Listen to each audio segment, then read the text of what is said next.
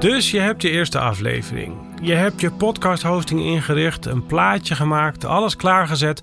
Je drukt op publish en dan wil je dezelfde dag of direct de volgende dag de hele buitenwereld vertellen dat ze jouw podcast moeten gaan beluisteren. Maar dan gaat er iets mis. Want zo snel lukt dat niet. Dit is Kennisbank aflevering 55. Hoe lang duurt het voor je podcast overal te beluisteren is? Ik ben Hajo Magree is Tussen de Oren, de podcast over podcasting van NAP1. Wij maken audiocontent.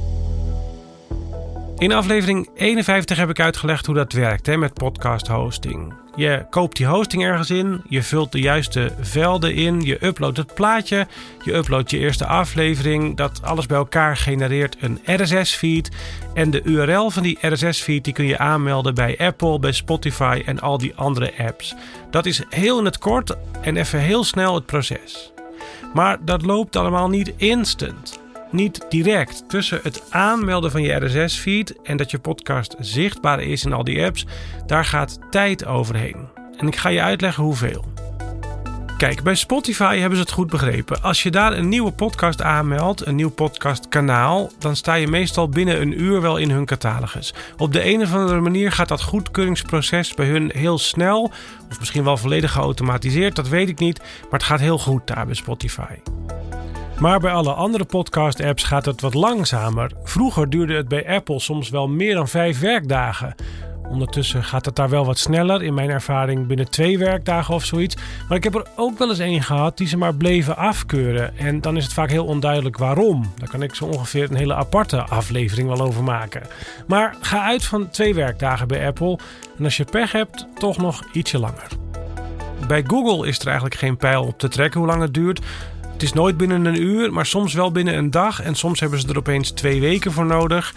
Maar nou is dat op dit moment ook niet de allerbelangrijkste podcast-app. Bij Google is het een beetje een loterij.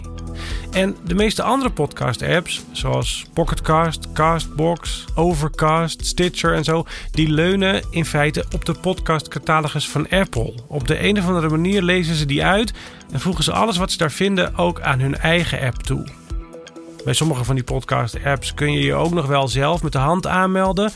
En dat kan bijvoorbeeld bij Pocketcast. En dat kan het proces soms een beetje versnellen. Maar het is ook een beetje afhankelijk van hoe grondig je het wil doen. Hoeveel tijd je erin wil steken. Want het komt uiteindelijk in al die apps wel terecht. Vanzelf. Bovendien, het grootste deel van je luisteraars zit bij Spotify en Apple. Dus als je die hebt, dan heb je het grootste deel van je luisteraars al bereikt. Maar een belangrijk ding om rekening mee te houden is dus dat er behoorlijk wat tijd kan zitten tussen het publiceren van je eerste aflevering en dat die daadwerkelijk overal beluisterbaar is.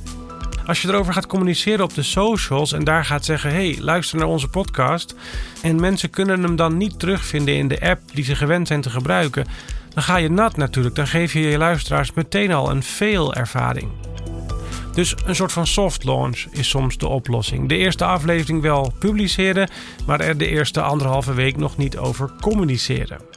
En een andere manier om het te doen is eerst een trailer maken en publiceren. Een soort voorstukje voor je podcast van anderhalve minuut. En vaak is dat al genoeg om je podcast te mogen publiceren en alvast te laten indexeren door al die podcast-apps.